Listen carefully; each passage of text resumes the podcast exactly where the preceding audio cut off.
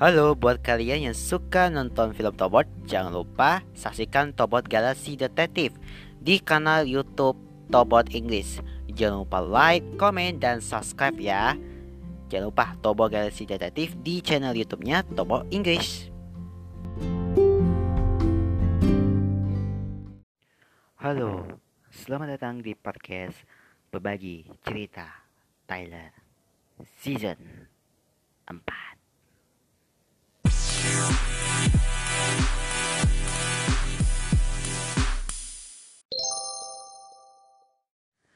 Assalamualaikum warahmatullahi wabarakatuh.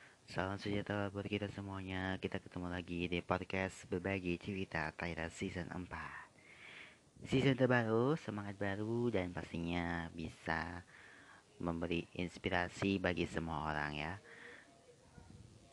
Kali ini bersama aku Marika Saputra dan Tyler King lagi Biasa lah ya untuk ngirim tugas segala macam karena kan padatnya juga ya kita bikin podcast agak ribet gitu. Tunggu-nunggu lama kali kita bikin tag ya. Walaupun kita jadi rumah gitu. Tapi ya udah walaupun aku sendiri tapi supaya kamu nggak bosongin kita temenin aja ya. Hari-hari kamu dengan menyenangkan. Gua akan mengalami cerita dari nol sih jadi pengalaman emang paling berat di waktu puasa penang walaupun makan sahur. Jadi pengalaman sahur itu memang agak berat. Sahur sambil tidur. Aduh, ini memang waktu kelas 3 ya waktu kecil. Tapi waktu kelas 4 agak biasa dikit kan karena nantuk banget sahur ya banyak sekali ya untuk kita mengulas cerita-cerita aku. Tapi nggak bakalan bosan ya. Dengerin aja terus sampai kita tercengang. Let's go. Oke aku akan memulai cerita ini tentang pengalaman berpuasa. Walaupun kita walaupun kita bukan puasa di bulan Ramadan tapi di bulan Ramadan tahun depan ya jadi kita akan membahas pengalaman puasa makan sahur sambil tidur Ya, memang senang ya rasanya bertemu dengan bulan Ramadan. Karena berdasarkan pengalaman tahun lalu, mamaku masak yang enak-enak untuk menu sahur dan buka. Walaupun aku bosan karena mama ayah teteh dan semuanya itu menyanyikan apakah aku sudah siap puasa. Mereka pun meminta aku puasa full tahun ini. Oke, jadi setiap hari itu pagi, siang, sore, dan malam hari mereka menyatakan hal itu. Aku sih bosen nih, tapi pernyataan mereka membuat aku ingat dan bersemangat. Soalnya mereka berjanji memberikan baju lebaran dan kado spesial karena aku bisa puasa full tahun ini. Mereka rajin mengingatkan aku untuk kuat berpuasa dibandingkan tahun sebelumnya. Pesan mereka adalah puasaku harus lebih baik tahun ini. Mengingat pesan itu, aku teringat nih pengalaman puasa tahun lalu. Aku mulai dilatih berpuasa pada usia 6 tahun. Kalau aku sih puasa itu dari kelas 3 SD. 3 SD ya. Pada dua minggu pertama puasa, mama kerepotan membangunkan aku makan sahur. Itu memang rasanya ngantuk banget dan udara dingin membuatku sulit untuk membuka mata. Pengennya aku tidur lagi. Karena rasa tidurku terganggu, aku menangis mungkin juga karena aku tak terbiasa ya bangun sebelum subuh. Jadi ayah ayahnya itu menggenggongku dari kamar menuju meja makan agar ikutan makan sahur bersama keluarga. Beberapa kali bahkan aku makan sahur dengan mata tertutup mata mamaku sabar ya menyuapiku dengan makan sahur yang enak-enak. Aku pun tidur sambil mengunyah makanan. Hebat kan? Eh, aku makan sambil kenyang agar kuat menahan lapar sampai beduk maghrib. Yang menyenangkan itu adalah ketika sore hari. Mama sama teteh itu sibuk nih di dapur menyiapkan makanan berbuka puasa. Ada es buah, sirup, kurma, ayam goreng, sayur lodeh, dan agar-agar. Masakan mamaku memang di saat Ramadan itu memang sangat spesial. Selalu spesial. Aku ikut membantu meski teteh bilang mengganggu. Aku mencoba memasukkan potongan buah ke dalam teko untuk diramu jadi sop buah. Atau mengelap meja ya, makanan yang ditaruh beragam menu makanan. Detik pertama beduk maghrib adalah waktu terbaik. Karena aku bebas melahap makanan dan mengobati rasa lapar. Makanya puasa kali ini aku mencoba uh, berpuasa lebih baik. Aku harus lebih kuat dari tahun kemarin. Doakan aku ya teman-teman agar diberikan kekuatan berpuasa pada bulan Ramadan tahun depan. Oke, itu tadi cerita pengalaman aku makan sahur sambil tertidur. Mungkin ada pernah juga kan mengira hal seperti itu. Tapi untuk tahun depan semoga kita semua diberikan kesehatan, selalu diberikan kelancaran, rezeki yang limpah, semoga bisa semangat puasa tahun depan.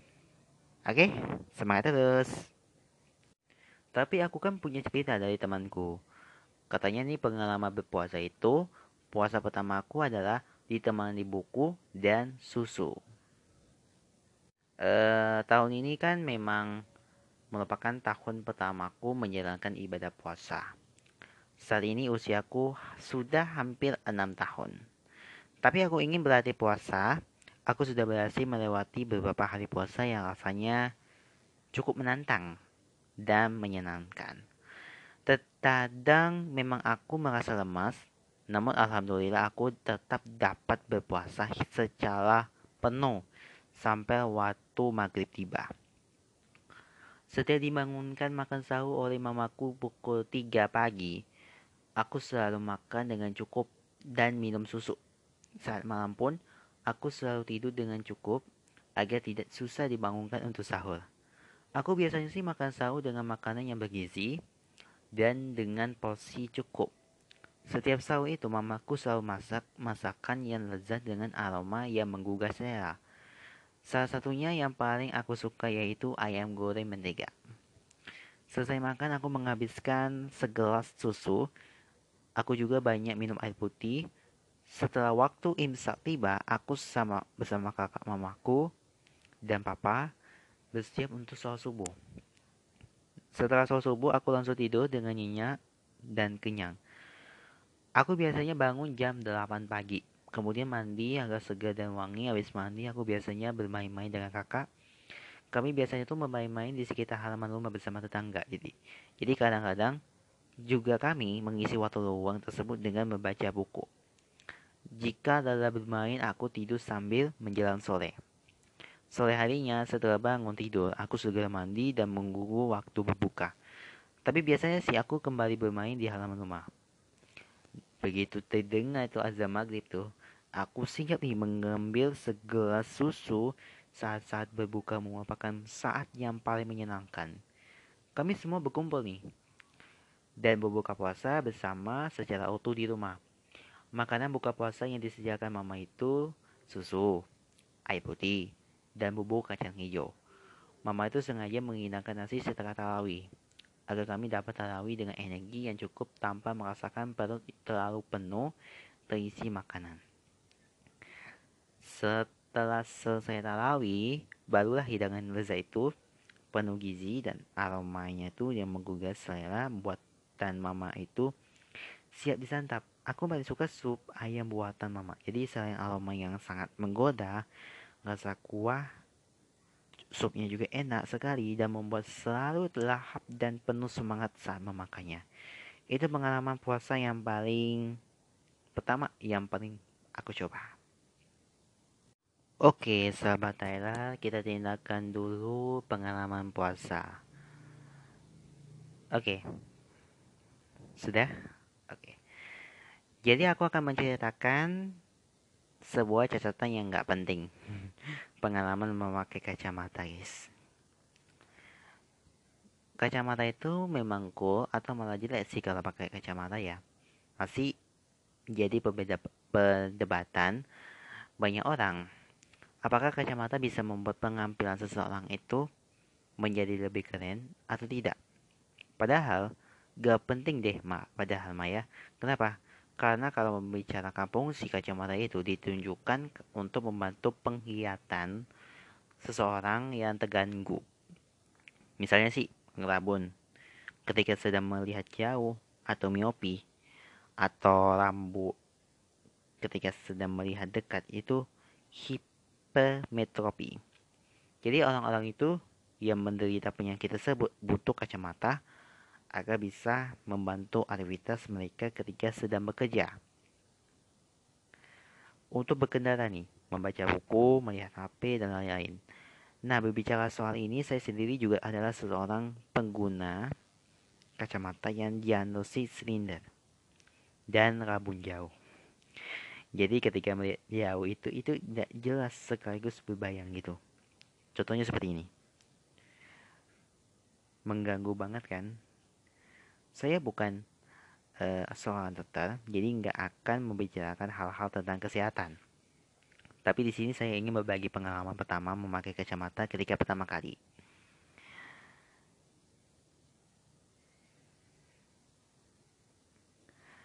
Jadi pengalaman itu kebiasaan yang membuat saya pakai kacamata.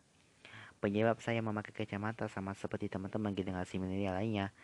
Yap, karena HP atau gadget. Saya seorang gadget holonit yang sedang bermain memakai HP dan laptop entah untuk main game, sosial media, dan lain-lain. Kebiasaan buruk itu tersebut membuat mata aku perlahan-lahan rusak gitu mata itu terasa berbayang gitu. Jadi awal saya merasa mata berbayang itu waktu sedang di toko buku.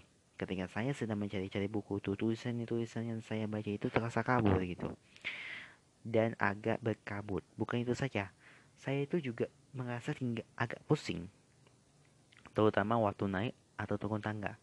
Jadi antara jarak antara anak tangga atas dan bawah menjadi lebih sulit untuk diketahui ketika itu saya sadar kalau ternyata mata mulai bermasalah gitu dan harus melakukan pemeriksaan. Kita mulai dari pemeriksaan mata dulu deh. Orang tua merupakan seorang pegawai rumah sakit. Ketika diceritakan perihal mata yang agak lambung ini, mereka langsung menyenangkan untuk pergi ke dokter. Dan besoknya saya langsung berangkat ke rumah sakit tempat orang tua saya bekerja. Sesampainya di sana, saya bertemu ibu saya. Kemudian mendaftar ke Polimata. Antriannya itu bisa dibilang panjang sih, ada ratusan ribu atau mungkin ribuan orang seperti itu saat itulah. Selesai proses daftar, kami pun masuk ke dalam ruangan Polimata di mana di sana itu ternyata sudah ada juga orang-orang yang sedang ingin periksa mata gitu. Oh itu disambut oleh petugas seorang petugas ruangan. Ibu saya e, berbincang-bincang di sana. Sedangkan saya duduk di salah satu tempat kosong. Itu semacam kursi panjang gitulah kurang lebih. Setelah menunggu kurang lebih 15 sampai 20 menit itu saya dipanggil oleh petugas untuk pemeriksaan mata gitu waktu kalian waktu proses pemeriksaan yang saya lalui pertama saya disuruh duduk kemudian dipakaikan semacam kacamata khusus berbentuk seperti lensa-lensa gitu yang bisa ditambahkan sesuai kebutuhan. Uh, agak susah dijelasinnya. Mungkin seperti kacamata Harry Potter bentuknya ya seperti ini. Kalau kalian peng kalau kalian pernah lihat kacamatanya Harry Potter Uniknya ini, ketika dipakai ke kacamata tersebut, saya merasa mata menjadi lebih baik. Dalam artian itu lebih jelas ketika melihat. Penglihatan yang sebelumnya terasa buram itu terasa lebih nyaman. Tidak sampai di situ, petugas pemeriksa mata itu terus menambahkan lensa-lensa baru sambil menyatakan kepada saya apakah menjadi lebih jelas atau tidak. Nah, di waktu yang sama, ia juga menyuruh saya juga membaca sebuah poster seperti ini. Kalau kalian pernah lihat, kalau kalian pergi ke Polimata, itu kalian lagi periksa mata, terus ada gambar yang namanya contoh huruf untuk periksa mata. Apakah jelas atau merasa kalian puram atau kabut gitu.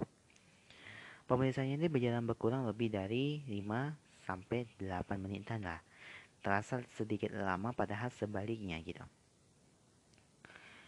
Sel selesai proses pertama ternyata masih berlanjut lagi. Saya disuruh itu pindah ke ruangan lain yang letaknya tidak jauh dari ruangan sebelumnya. Di sana terdapat alat-alat yang saya sendiri asing gitu. Dan terdapat juga tempat tidur yang dimungkin dipakai untuk pasien-pasien dengan penyakit mata lebih lanjut. Nah, saya duduk di depan sebuah alat yang bentuknya mirip seperti teropong. Petugas menyuruh saya untuk menempelkan wajah saya bagian matanya ke bagian teropong tersebut berbentuk lensa. Nah, di sana saya melihat nih sebuah gambar yang berbentuk balon udara namun agak kabur. Kemudian petugas meminta saya untuk memastikan apakah gambar apakah gambar jelas atau tidak. Mungkin beliau sedang mengatur alatnya juga kan. Setelah gambarnya jelas, saya diminta nih untuk pindah lagi ke ruangan dokter. Setelah selesai di ruang dokter, ternyata ada cukup banyak orang yang sedang mengantri di sana. Jadi mereka itu memiliki keluhan yang berbeda-beda. Namun pada umumnya sih mirip dengan saya masalah dengan rabu mata. Ketika antrinya sudah habis, saya dipanggil dan duduk di depan dokter. Dokter tersebut langsung memeriksa mata saya menggunakan senter yang diarahkan ke mata kayak silo banget deh pokoknya itu kan. Setelah itu, ia menulis sesuatu di kertas. Ia ternyata merupakan resep kacamata untuk dibuat di toko kacamata atau opik. Resep tersebut diserahkan kepada saya dan prosesnya pun selesai dong. Saya berterima kasih ke dokter tersebut kemudian keluar lagi ruangan menuju tempat di mana ibu yang saya sedang berbincang tadi. Toko kacamata itu nama lainnya biasanya disebut opik. Sehari setelah melakukan pemeriksaan saya pergi ke sana bersama ayah saya.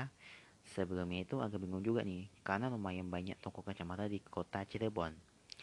Namun dipertimbangkan model-model yang bisa dipilih agar bisa semakin gaya. Kami pun memutuskan untuk memilih toko kacamata yang terletak di pusat kota Cirebon. Namanya itu Toko Orbit Opik namanya toko Orbit Optik. Jadi sesuai dengan ekspektasi nih, ada banyak pilihan nih. Kacamata di sana mulai dari yang kecil sampai yang yang besar. Mulai ada dari harga ratusan ribu hingga jutaan rupiah. Saya pun sempat bingung sih memilih, jadi saya mencoba satu-satu deh kacamata yang direkomendasikan karyawan di sana. Akhirnya perhatian saya teruju ke salah satu kacamata plastik dengan warna hitam dan krem. Gayanya kekinian dan cocok sekali untuk anak-anak muda. Adventures aspect based on where I was child. Hehe. Karyawan mengambil kacamata tersebut dan bilang bahwa pembuatan lensa sesuai dengan resep total. Itu membutuhkan waktu 2-3 hari lah. Apalagi mengingat pada resep tersebut mata saya itu juga terlihat silindernya gitu. Saya bersama ayah menyetujuinya dan setelah membayar kami pun pulang. Tiga hari kemudian, saya pergi naik angkutan umum sendiri menuju ke toko Opik sebelumnya. Karena kebetulan waktu itu tuh orang tua saya itu sudah ke sana duluan ketika mengambil istirahat kerja. Sampai di toko optik itu saya bertemu orang tua saya dan mengambil kacamata dengan lensa yang sudah dibuat sesuai dengan resep dokter. Yes, that was the five glass that I ever had. Tidak pakai lama saya memakai kacamata tersebut dan tahu apa yang saya rasakan. Pusing guys. Iya, benar pusing. Penglihatan saya terasa sangat dekat jaraknya kalau kamu pernah pakai kacamata kaca pembesar, maka perumpamannya itu seperti kamu menempelkan kaca pembesar itu ke mata kamu. Terasa agak aneh, tapi orang tua saya itu bilang itu normal kamu memang baru pertama kali semakin lama pengingatan akan semakin penyesuaian diri. Sekarang sudah 8 tahun lebih saya memakai kacamata. 8 tahun itu lebih bukan batu yang sebentar bukan agak lama tapi ya ini faktanya sih dari sekitar tahun 2011 sampai saat artikel ini dibuat yang artinya sudah lebih dari 8 tahun saya memakai kacamata apa yang saya rasakan pertama yang pasti terasa sulit sekali kalau melihat tanpa kacamata. Kadang pusing, bahkan aktivitas terganggu. Kedua, kepala dan telinga terasa agak aneh kalau tanpa kacamata. Ketiga, kacamata menjadi salah satu bagian penting dari tubuh, walaupun memang hanya sebuah benda. Dan masih banyak lagi. Dan uniknya nih, tapi ini bukan saja tapi bukan saya saja ya, hampir sebagian besar memakai kacamata juga demikian. Coba tanyain deh ke teman terdekat kamu yang memakai kacamata. Ini nih yang tips untuk kamu yang ingin memakai kacamata. Sebagai tambahan aja nih ya guys. Biasanya sih untuk anak-anak hingga remaja masih ada yang merasa minder karena memakai kacamata. Mereka khawatir jika pengampilan mereka itu berubah jelek di mata teman-temannya. Padahal kan nggak demikian. Sekarang ada ratusan bahkan ribuan jenis model kacamata yang bisa kamu pilih sesuka hati yang justru akan membuat kamu menjadi terlihat keren. Coba cari yang kira-kira cocok dengan kamu, mulai dari besar lensa, warna, hingga jenis frame kacamatanya. Memakai kacamata itu penting gak sih? Jadi hanya memikirkan pengambilan itu sangat besar. Karena kalau kamu merasa penglihatan sudah agak enggak nyaman dan memasakkan diri tidak memakai kacamata, dikhawatirkan penyakit kamu akan bertambah parah. Karena yang matanya itu mata rabun jauh atau sinindis seperti yang saya alami bisa bertambah seiring berjalannya waktu. Nggak mau kan? Oh iya, kalau kamu ingin periksa direkomendasikan juga nih, setidaknya untuk pergi ke dokter atau ke optik yang ada dokternya. Tujuannya ini untuk mengetahui ini juga apakah mata kamu normal atau tidak.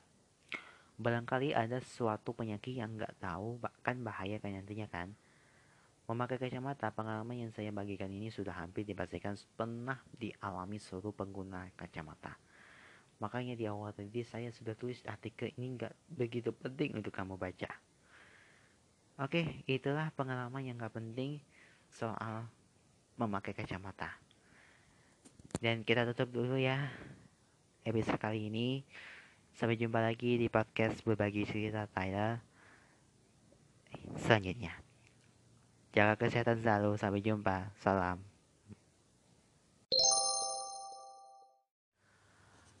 Ya, kita ketemu lagi nih di podcast berbagi cerita Tyler season 4. Kali ini bersama aku Marika Saputra dan Tyler King dan kami berdua masih di rumah aja. Semoga kita semua dalam keadaan sehat selalu dan tetap semangat dalam menjalani aktivitas walaupun di tengah pandemi seperti sekarang ini. Baik, saya mau ingatkan lagi nih kepada semua bahwa ini adalah season 4. Ini adalah harapan kita. Jangan lupa untuk follow akun Spotify berbagi cerita Tyler Podcast dan Nyalakan notifikasi kamu bila biar kamu tidak ketinggalan episode-episode terbarunya. Dan jangan lupa juga untuk ikutin akun media sosial Instagram at podcast cerita Thailand dan Instagram aku at mata underscore pekabaru underscore kindness. S-nya dua di belakang ya. Oke, hari ini kita akan membahas kisah-kisah kita yang ada di jurnal. Perlu kayak ketahui ya, itu jurnal itu apa sih kak? Apa itu jurnal? Nah jadi, jika kalian itu seorang akademisi, tentunya itu sudah tidak asing lagi dengan yang namanya jurnal ya. Kan apalagi kan jika Anda merupakan uh, akademisi di pendidikan tinggi yang sedang menyelesaikan tugas akhir. Jurnal ilmiah memiliki banyak jenis karena itu dapat mencakup seluruh bidang ilmu di dunia baik maupun sosial maupun sains. Penerbitan jurnal sangatlah penting bagi dunia keilmuan untuk suatu perbaikan berkelanjutan. kita bahas-bahas atau belak-belakan dulu tentang jurnal ini. Jadi, jadi dalam KBBI, Kamus Besar Bahasa Indonesia, jurnal itu mempunyai banyak definisi. Misalnya sih catatan harian atau buku perantara, surat kabar, majalah bidang, ilmu, dan masih banyak pengertian yang lain. Sedangkan kalau kita menurut akhir ini guys, jadi jurnal itu merupakan suatu laporan yang mengenai hasil penelitian yang bertujuan untuk menemukan ilmu baru yang dilakukan dengan cara ilmiah. Nah, biasanya sih eh, jurnal dari penelitian harus terlebih dahulu dipertanggungjawabkan di hadapan para ahli untuk keabsahan ilmu atau penemuan baru. Jadi kayak jurnal-jurnal ini dapat diterbitkan secara kumulatif beserta jurnal penelitian sejenis yang dilakukan dalam kurung waktu tertentu. Namun tidak menutup kemungkinan jurnal tersebut diterbitkan secara individu. Kalian itu mata apa ya? Manfaat jurnal itu apa sih? Nah, jadi dari pengertian jurnal di atas jadi sudah dapat dipastikan ya bahwa jurnal itu memiliki banyak sekali e, manfaat yang bagi bidang keilmuan. Ada beberapa manfaat dari jurnal dapat diuraikan sebagai berikut. Yang pertama itu adalah sebagai bahan yang dibenarkan dan ilmiah secara keilmuan untuk dijadikan acuan pengambilan keilmuan baru. Lalu berikutnya, sebagai bahan tinjauan pustaka bagi pengertian yang menguji kembali suatu ilmu yang sebelumnya sudah diyakini kebenarannya. Yang terakhir nih, media pertukaran informasi serta ilmu yang menjabarkan fakta ilmiah yang terjadi secara aktual. Kita bahas macam-macam jurnal. Jadi banyak ada juga sih jurnal itu mempunyai uh, banyak macamnya. Di antara itu ada dapat diuraikan jadi jurnal cetak, jurnal online, jurnal lokal, jurnal nasional, jurnal internasional, jurnal internasional bereputasi. Nah, kita bahas dulu dengan jurnal cetak. Jadi jurnal cetak itu adalah suatu salah satu jenis jurnal yang ditulis oleh seorang atau kumpulan peneliti dan disebarluaskan melalui media cetak. Jadi jurnal cetak itu selalu disertai dengan hasil akreditasi dari badan pengakreditasi jurnal maupun lembaga lembaga terkait. Jadi namun di era globalisasi saat ini kan keberadaan jurnal itu cetak baru mungkin lebih sulit ditemui karena telah tergantikan dengan keberadaan jurnal online. Jurnal online. Jadi terdapat ada dua definisi dari jurnal online sendiri yang dapat dipahami oleh masyarakat. Yang pertama itu jurnal online itu merupakan jurnal yang dapat diakses dan didapatkan melalui website online. Jadi menurut definisi saja sih Pertama, jurnal online itu pada dasarnya itu sama dengan jurnal cetak yang dihasilkan dan dijadikan online.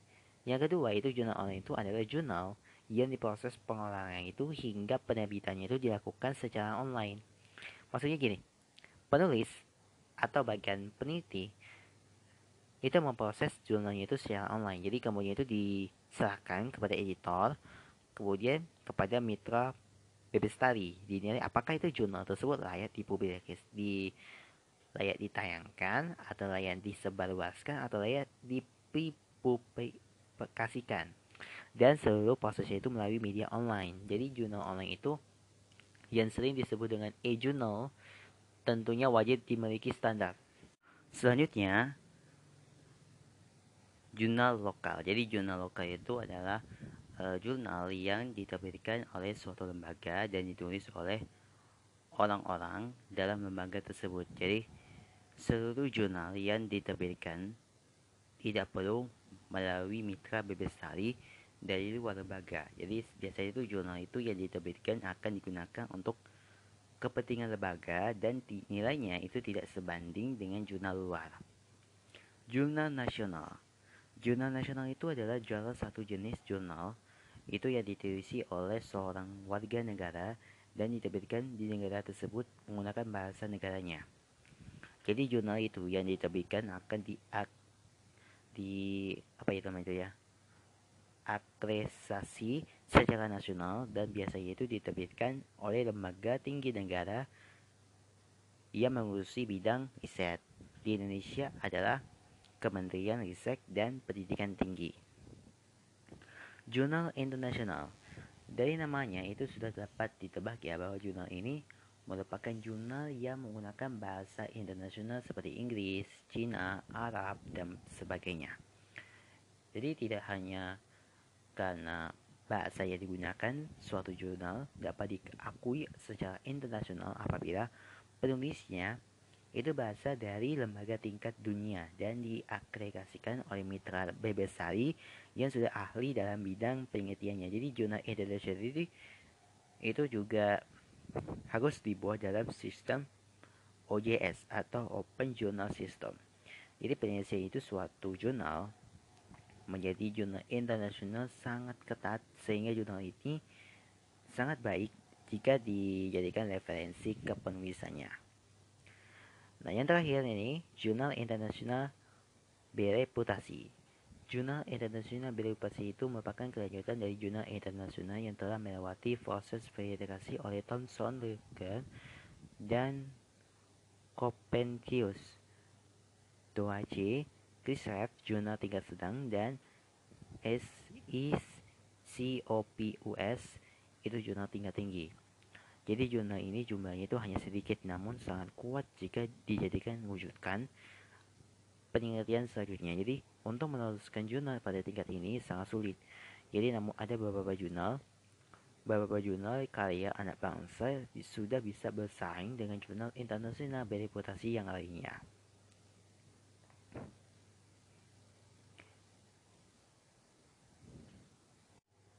Waduh, kita akan bahas ngomongin tentang kegiatan jurnal di antara kita ini. Kita mulai dari aku dulu ya. Gak apa-apa kan? Oke. Kalau aku, itu pagi itu saya buka HP, terus ya WhatsApp. WhatsApp itu banyak sekali itu ada grup WhatsApp ini, grup WhatsApp itu. Jadi pusing bacanya itu. Belum lagi yang namanya Classroom tahu kan di bahasa Padibi kan pakai banyak lebih banyak tuh menggunakan Classroom dibanding Zoom atau Meet. Jadi Google Classroom inilah yang membantu kita untuk memberikan nilai gitu kan. Jadi Google Classroom agak ribet tapi lambat gitu kan. Jadi kan paginya selesai itu istirahat istirahat sejam baru belajar lagi jam 10 nah itu prosesnya tuh kemudian sampai jam 11 istirahat lagi karena itu syuting syutingnya itu jam 11 sampai 11.30 itu pas pas itu 30 menit. Jadi gua tidur istirahat setengah satu jam kita belajar nulis nulis sejam setengah jam tuh setengah jam. Kita berhenti lagi lanjut syuting lagi update 3 menit langsung tulis lagi tulis lagi sampai itu setiap dua jam terus tulis update tulis lagi terus tulis lagi tulis lagi sampai betul-betul itu tuntas itu. Sampai di waktu-waktu ada satu orang ada satu materi yang belum paham gitu tentang materi budi daya ikan konsumsi. Itu lanjut lanjut lanjut. Update status update media sosial twitter instagram gitu kan semua berjalan. Sampai berjalan terus sampai waktu tidur. Jadi tidur itu kan sekitar jam 9 selesai update nih selesai update kan jam 9 terus kita 30 menit yaitu kita nunggu sambil dengerin podcast ya. 30 menit itu kita lanjut untuk TV lagi jam satu, satu jam.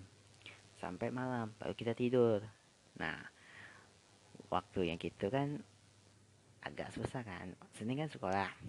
Senin Rabu itu kan sekolah itu kan jadi Senin sekolah itu kita pejam uh, bergantian. Misalnya gini.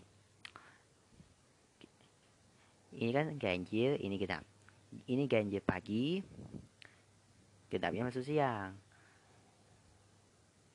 Punya gajinya pagi genapnya siang. Nah minggu kedua putar lagi jadi genap ke ganjil genap ke ganjil sampai di rolling itu rolling rolling satu semester satu bulan tuh rollingnya tuh kan. Rolling seminggu. Di rolling lagi. Sampailah minggu, minggu keempat. Nah minggu ketiga itu ah, di hari Rabu. Nah hari Rabu itu kan si bapak itu langsung berkeringat dingin aku dah. Itu kayak sebut lah gitu kan. Kita nggak sebutin namanya dulu ya. Itu bapak tuh memang galaknya minta ampun dia nanya dia jawab apa? Iya kan? Kayak kayak mau tanya siapa nama guru olahragamu? Jawab Pak Imam. Pak Imam dari mana dulu Bapak ini bapak. Ih udah balik lagi ingin aku udah aduh pusing kali itu ceritanya tuh mah sampailah itu sejam itu sejam. Sejam itu. Aku berdoa oh, tolongin aku Tuhan tolongin aku Tuhan. Gitu terus sejam tuh. Sejam itu sejam itu buat sebulan gitu.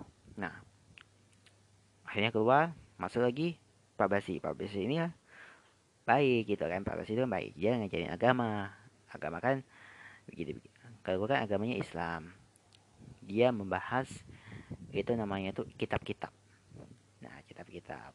Apa yang pelajari kamu sekolah dulu-dulu gitu kan nah habis itu kita pulang. Pulang makan siang dulu makan siang. Terus kita tulis lagi. Kalau ada syuting jam 3 update lagi 3 menit. Terus tulis lagi mandi. Mandi gak pakaian update lagi tulis lagi itu kan. Sampai malam. Nah sampai malam itu kan. Baca baca apa ya? Baca buku revisi juga gitu kan. Nah satu waktu ada satu momen yang gua nggak mengerti itu namanya tuh pelajaran matematika. Karena susah bacanya. Matematika itu tuh apalagi kalau matematika, matematika peminat itu agak susah itu. E, mengangok apa tuh? Me, namanya itu namanya itu me, apa ya? Mensusahkan gitu. Nah itu memang cerita kegiatan harian itu pas kita waktu di rumah pas waktu di sekolah itu sih ada banyak pengalaman sih waktu kita masih dulu dulu ya kan? Satu minggu satu minggu ya? Satu minggu kita weekend. Weekend tuh kita jalan-jalan kan dari pagi eh sabtu enggak ya? Sabtu enggak? Sabtu itu waktu kita Senin sampai Jumat sekolah kita so, Senin sampai Jumat itu sekolah satu minggu itu dianggap libur. Nah Sabtu itu kan kita pagi sepeda keliling-keliling sampai jam 7 atau jam 8 gitu. Kemudian istirahat dulu terus istirahat ya tidur sebentar gitu kan. Buka WhatsApp WhatsApp itu ada bacanya gitu kan. Tuh. oke itu kan cerita pengalaman aku lah itu kan jadi Senin sampai Minggu. Itu memang padat ceritanya itu. Kalau Tyler apa ini? Hmm agak susah ya. Tahu aku sih panjang aku bangun. Bangun itu kan ada itu kan. Aku mandi sebentar terus gosok gigi terus bangga ke sekolah karena aku terlambat kan. Nah si Taya itu si aku kan paling lambat disuruh ke sekolah. Tuh minta apa tuh lah mobil truk itu suruh numpangin numanin.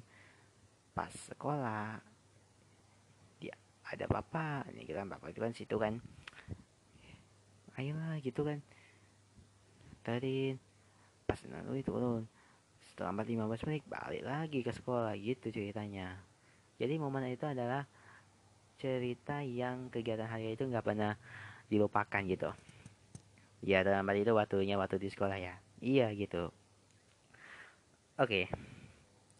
Tapi ngomong-ngomong tentang kegiatan jadi kegiatan itu banyak sekali ya. Banyak manfaat banyak ilmu dan bisa kita ambil salah satunya, salah satunya itu dari manfaat ini aku bacain dulu ya manfaat itu tidak terduga bikin jauh halian nah jadi kamu mungkin apa ya punya banyak aktivitas yang ingin dilakukan tapi merasa kurang memiliki banyak waktu. Jadi atau justru sebaliknya. Jadi bingung nih, bagaimana sih cara untuk menghabiskan waktu karena merasa tidak punya hal yang harus dikerjakan. Nah, mungkin ini saatnya kamu harus memulai membuat jurnal harian. Karena ada banyak sekali manfaat yang bisa membantu kamu untuk mengatur aktivitas saat kamu membuatnya. Seperti ada beberapa manfaat di bawah ini. Yang pertama, membantu yang pertama itu adalah membantu manajemen waktu. Jika kamu merasa tidak pernah memiliki waktu yang cukup untuk melakukan sesuatu, itu mungkin karena kamu tidak menjadwalkan waktumu secara efektif. Ini terjadi karena ketika itu kamu hanya berlarian terus-menerus berpindah dari satu hal ke hal berikutnya tanpa benar-benar memikirkan segalanya segala keseluruhan. Jadi membuat jadwal itu memungkinkan kamu untuk merencanakan kegiatan setiap acara, janji, temu, dan tugas. Nah, sehingga kamu tahu apa yang harus dilakukan tanpa takut kehabisan waktu. Nah, jadi tetapkanlah jadwal jatuh tempo dan tengah waktu tertentu untuk segala sesuatu agar kamu tetap berada di jalurnya dan punya waktu tambahan tersisa untuk diri sendiri dan keluarga. Yang berikutnya, meningkatkan produktivitas. Terlepas dari apa pun itu, jadwal harian bisa membantu kamu untuk mengetahui waktu kosong dan bisa mengisinya dengan setiap tugas yang perlu kamu sesuaikan. Ini penting untuk kehidupan pribadi dan profesional kamu. Sementara banyak orang berpikir tentang produktivitas terkait dengan apa namanya itu ya pekerjaan mereka, kamu juga bisa menjadi produktif saat di rumah. Jadi pekerjaan membersihkan dan mengatur rumah itu atau mengerjakan proyek yang tertunda juga adalah aktivitas yang produktif. Ini akan mendorong kamu untuk beralih pada jadwal berikutnya secara efektif dan efisien. Membantu menghilangkan stres. Jadi stres itu memiliki banyak bentuk, tetapi sering kali disebabkan oleh perasaan kewalahan, kamu sering stres karena sibuk, terlalu banyak tuntutan, atau terlalu banyak makan. Gitu. Jadi pengaruh keluarnya juga untuk melalui tingkat stresmu. Jadi pikirannya itu betapa berbedanya itu ketika kamu benar-benar memiliki waktu untuk segalanya dan dapat dengan mulus berpindah dari suatu tanggung jawab ke tanggung berikutnya tanpa harus khawatir kehilangan sesuatu terlambat atau harus mundur karena pada menit-menit terakhir.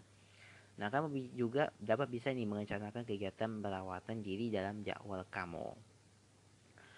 Yang berikutnya manfaat kesehatan. Jadi seperti yang kamu bayangkan ya jadwal harian itu kan membantu kamu untuk tetap sehat dalam berbagai cara. Ini bisa kamu kamu merencanakan hal-hal yang mendatangkan kesehatan fisik seperti diet dan olahraga. Kamu juga bisa menjawabkan janji temu dengan dokter secara teratur dan memastikan kamu mendapatkan cukup udara, segar, dan vitamin D dengan menjawabkan di hari-hari yang dihabiskan di luar ruangan. Kamu juga bisa mendapatkan manfaat kesehatan mental dengan mengurangi kecemasan akibat pekerjaan. Mendorong kreativitas. Jadi, manfaat lain untuk membuat jadwal adalah bahwa karena lebih mungkin untuk mendapati janji untuk semua tanggung jawab wajib lebih cepat dari biasanya. Nah, hal ini bisa menyisakan sedikit waktu luang nih untuk kamu. Apakah itu akan mengisi dengan mengerjakan hobi atau mencoba sesuatu yang baru. Jadi, ada beberapa orang yang menggunakan waktu kosong mereka untuk dengan kegiatan-kegiatan kreatif. Selain itu, dalam menuliskan jadwal kamu, bisa secara spontan mendapatkan stiker, gambar, atau barang-barang dekoratif lainnya. Meningkatkan, bukan ya, meningkatkan hal yang terlewatkan. Jadi, membuat dan menggunakan jadwal harian itu berarti kamu harus mencatat tugas janji, dan lainnya agar bisa terdaftar. Jadi ini akan memudahkan kamu ketika melupakan sesuatu di dalam jadwal karena adanya gangguan. Jadi kamu bisa melihat kembali nih rencana-rencana atau janjian yang tidak sempat dilaksanakan dan mengaturnya kembali keesokan harinya. Itulah ada beberapa manfaat pembuat jadwal harian. Bagaimana kamu? Apakah kamu termasuk yang suka membuat jadwal harian? Nah, itu. Oke, Tyler dan sahabat Tyler semuanya, kali ini kita akan mengenakan cerita pengalaman tentang menikmati hari-hari di masa pandemi. Ini diceritain oleh Vanessa Kristina. Jadi, aku mendengarkan cerita ini untuk kalian semua. Wabah virus corona yang akhir hari ini merebak di seluruh penjuru dunia mau tidak mau memaksa kita berdiam diri di rumah. di rumah saja untuk sampai waktu yang tidak ditentukan tentu membuat kita tidak nyaman. Bagaimana tidak? Kondisi ini memaksa kita untuk merubah rutinitas kita secara naulia. Perubahan adalah hal yang paling tidak sukai, bahkan merupakan hal yang paling ditakuti oleh manusia. Jadi, wajar saja ya kalau kita merasa gelisah karena perubahan ini. Namun tidaklah baik kalau lama-lama menung dan bersedih. Oleh karena itu, sebagai anak muda, saya berusaha untuk menyesuaikan diri dan menikmati hari-hari yang saya jalani. Awalnya memang tidak mudah, tetapi seiring berjalannya waktu, saya mulai terbiasa menjalani new normal yang saya alami saat ini. Melihat kondisi saat ini, kegiatan perkuliahan ini pun dilakukan secara daring jadi saya punya banyak waktu yang jauh lebih banyak ketimbang saat masih kuliah seperti biasa biasanya tuh kan karena ya kuliah yang padat dan kesibukan di organisasi kampus saya jarang memiliki waktu untuk mengembangkan diri namun karena sekarang memiliki waktu luang yang lebih banyak saya manfaatkan waktu tersebut untuk melakukan hal-hal yang saya sukai seperti membaca buku. Sesekali membaca cerita visi mengharuskan kita berpikir untuk memahami alurnya, apalagi kalau membaca fiksi detektif. Jadi waktu masih kuliah konvensional itu saya hanya membaca buku dan literatur yang berkaitan dengan mata kuliah yang saya ambil. Saya itu kan saya masih membaca liniatu untuk keperluan kuliah. Jadi tetapi di samping itu saya juga membaca buku cerita roman dan berbagai jenis visi lainnya. Jadi ngomong-ngomong membaca cerita visi itu tidak melulu bersantai loh sesekali membaca cerita visi itu mengharuskan kita untuk berpikir nih untuk memahami alurnya apalagi kan kalau kita membaca fiksi detektif cobalah cerita saja kalau kalian baca cerita Hercules Politot karya Ananta Christie itu dijamin nih kalian akan menembak-nembak apa yang akan terjadi. Jadi kegiatan lain yang paling sering saya lakukan adalah menggambar dan bermain piano. Nah kebetulan itu menggambar dan bermain piano itu bukan hanya apa ya sedekat hobi untuk melainkan juga merupakan bidang yang saya dalami dan tekuni sejak lama. Biasanya itu kan saya hanya menggambar sketsa kecil-kecilan di karena penat atau jenuh. Tetapi saat ini saya dapat mengerjakan proyek gambar yang lebih besar. Ada beberapa tantangan sendiri sih dalam menyelesaikan proyek gambar besar seperti dibutuhkan keteladanan dan kesabaran yang tinggi. Kadang-kadang gue kan dalam membuat gambar baru saya juga suka sih mencoba teknik lukis yang belum pernah saya coba sebelumnya. Tentu ini menjadi tantangan tersendiri tetapi akan sangat memuaskan begitu melihat gambar yang dihasilkan bagus. Dalam seni musik sangat dibutuhkan kedisiplinan dan kesungguhan hati. Tidak hanya sekedar untuk memencet kunci not yang benar saja, tetapi juga harus menjiwai lagu yang dibawakan. Jadi untuk itu kunci utama dalam seni musik itu adalah latihan setiap hari. Jika dihitung-hitung sih sudah kurang lebih enam bulan saya tidak menyentuh piano sama sekali. Baru sejenak masa pembatasan sosial ini saja saya mulai belajar bermain piano lagi.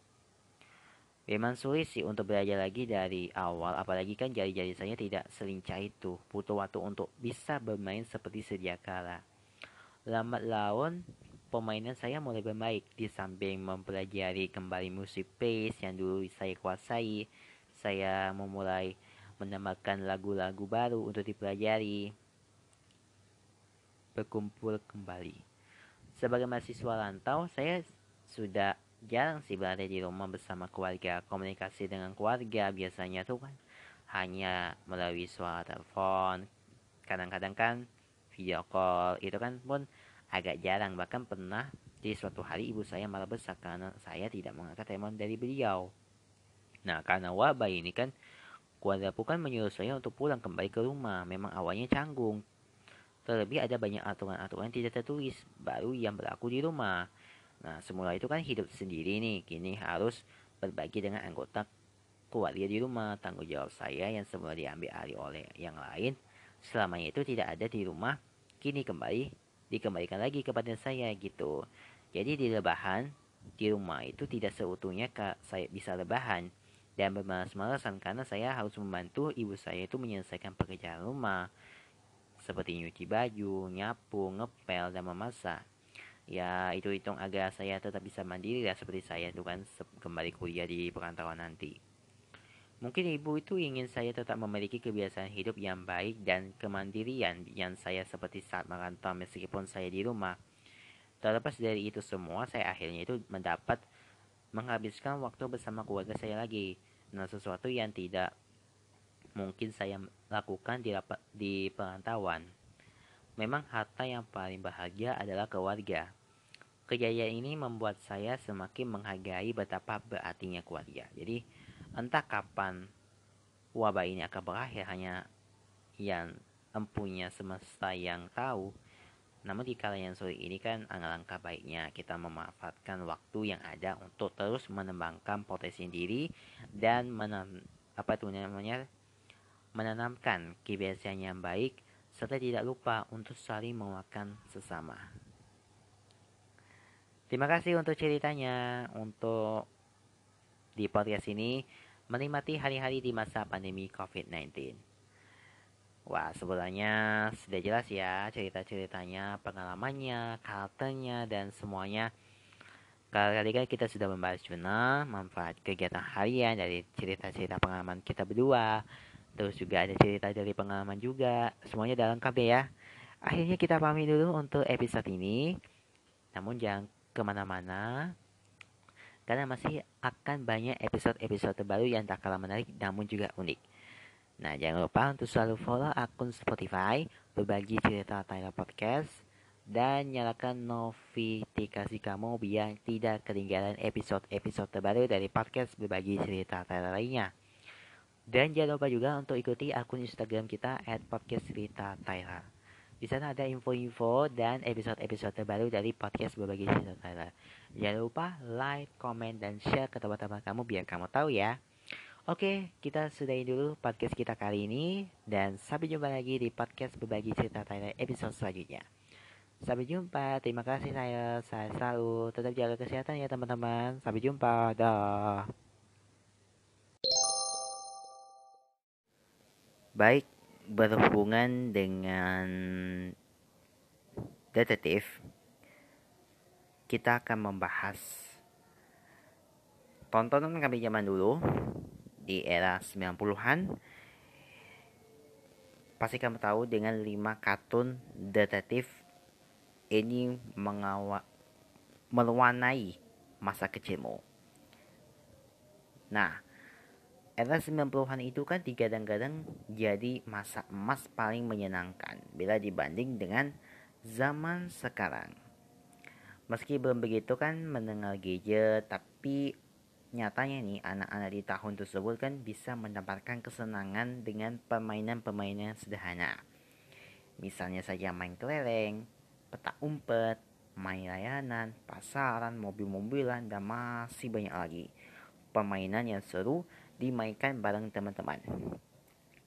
Selain bermain bareng di luar rumah sampai mesti jemput paksa oleh orang tuanya yang baru pulang, nonton TV jadi hiburan lain yang digemari ya. Apalagi kan kalau nggak nonton kartun, nggak kayak sekarang nih.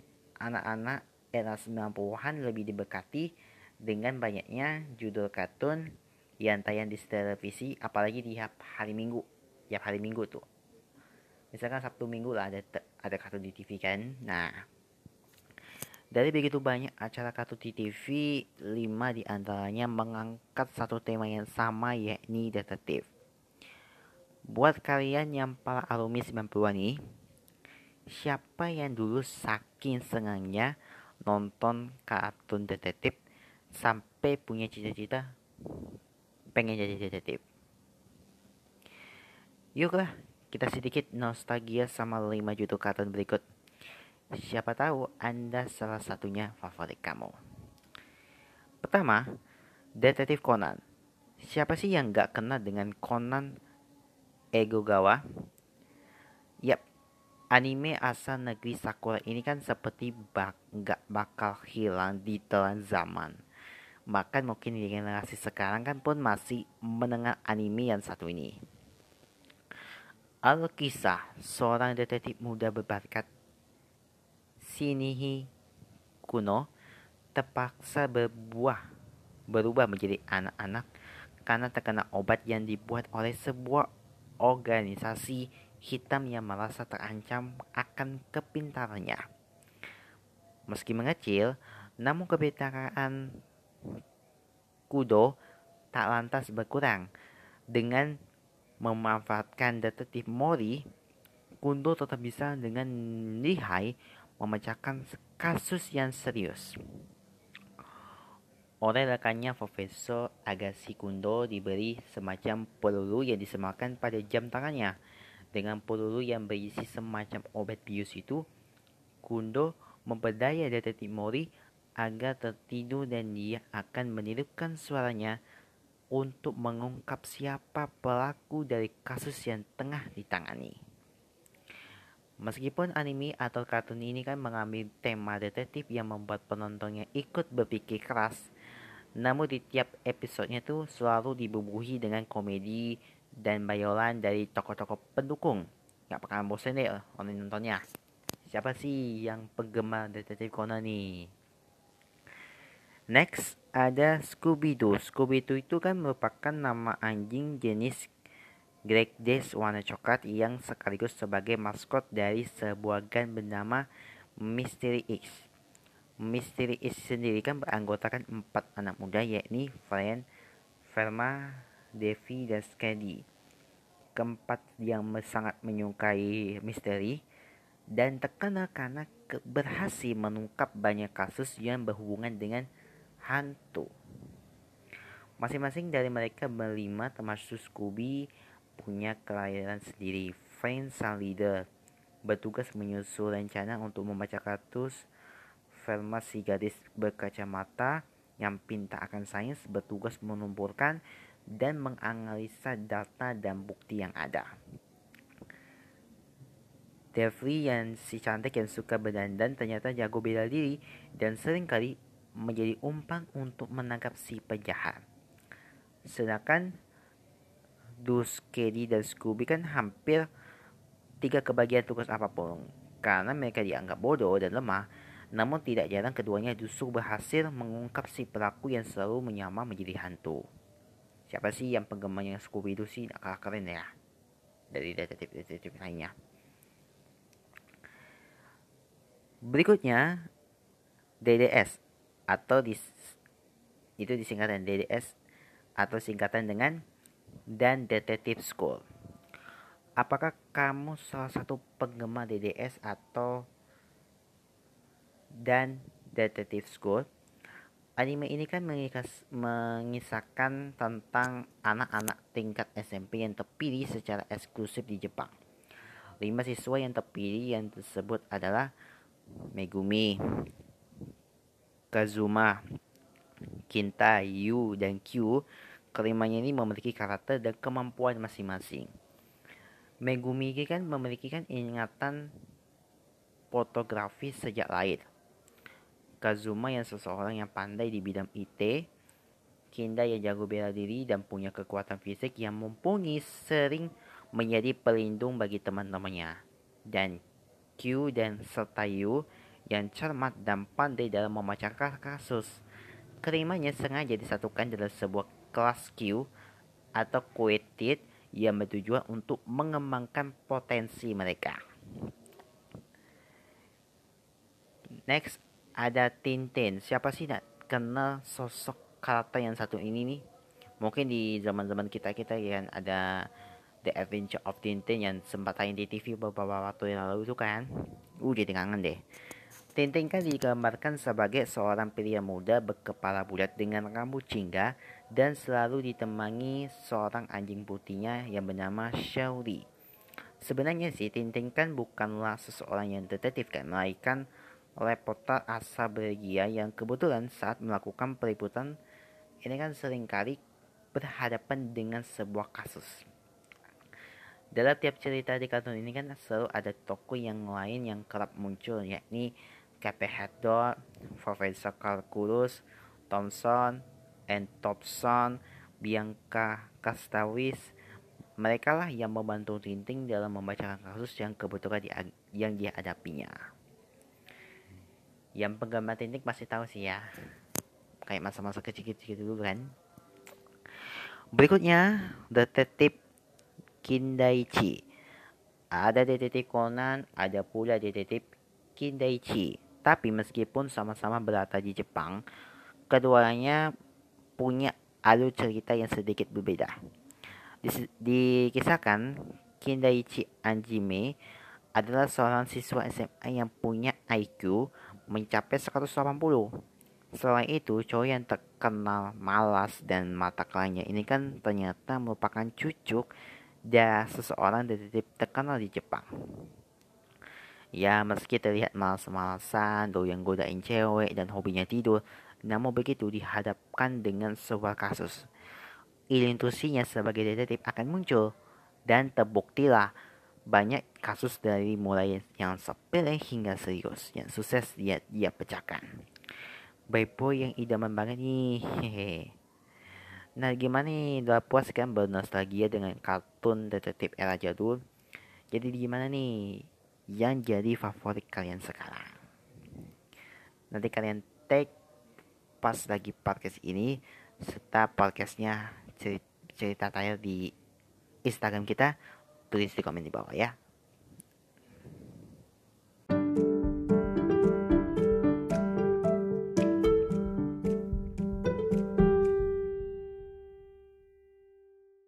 Berbagi cerita Tyler hanya di Spotify.